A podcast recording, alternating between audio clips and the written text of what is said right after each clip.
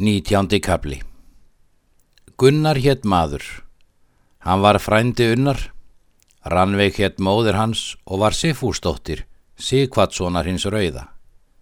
Hann var veginn við samtólaferju. Fadir Gunnars hétt Hámundur og var sonur Gunnars Bökssonar.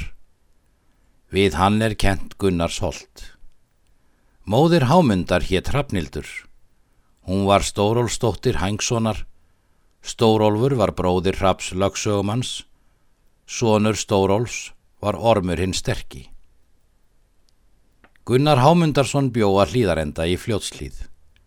Hann var mikill maður vexti og sterkur, manna best vígur. Hann hjó báðum höndum og skaut ef hann vildi og hann vó svo skjótt með sverði að þrjú þótt á lofti að sjá. Hann skaut manna best af boga og hæfði allt það er hann skaut til. Hann hljóp meirinn hæð sína með öllum herrklæðum og eigi skemra aftur en framfyrir sig.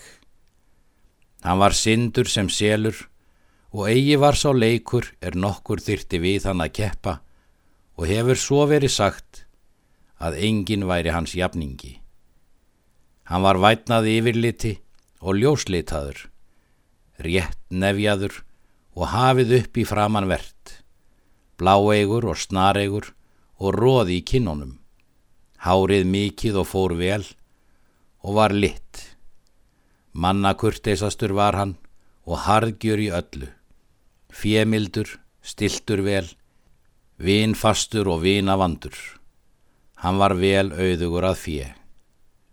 Bróður hans hétt Kolskeggur. Hann var mikill maður og sterkur, drengur góður og örugur í öllu. Annar bróður hans hétt Hjörtur. Hann var þá í barnæsku. Ormur Skóarnef var bróðir Gunnars laungetinn. Er hann ekki við þessa sögu? Arn Gunnur hétt sýstir Gunnars. Hann átti hróar tungugóði, svon una hins óborna Garðarssonar. Sá fann Ísland. Svon Arn Gunnar var hámundur haldi, er bjó á hámundar stöðum.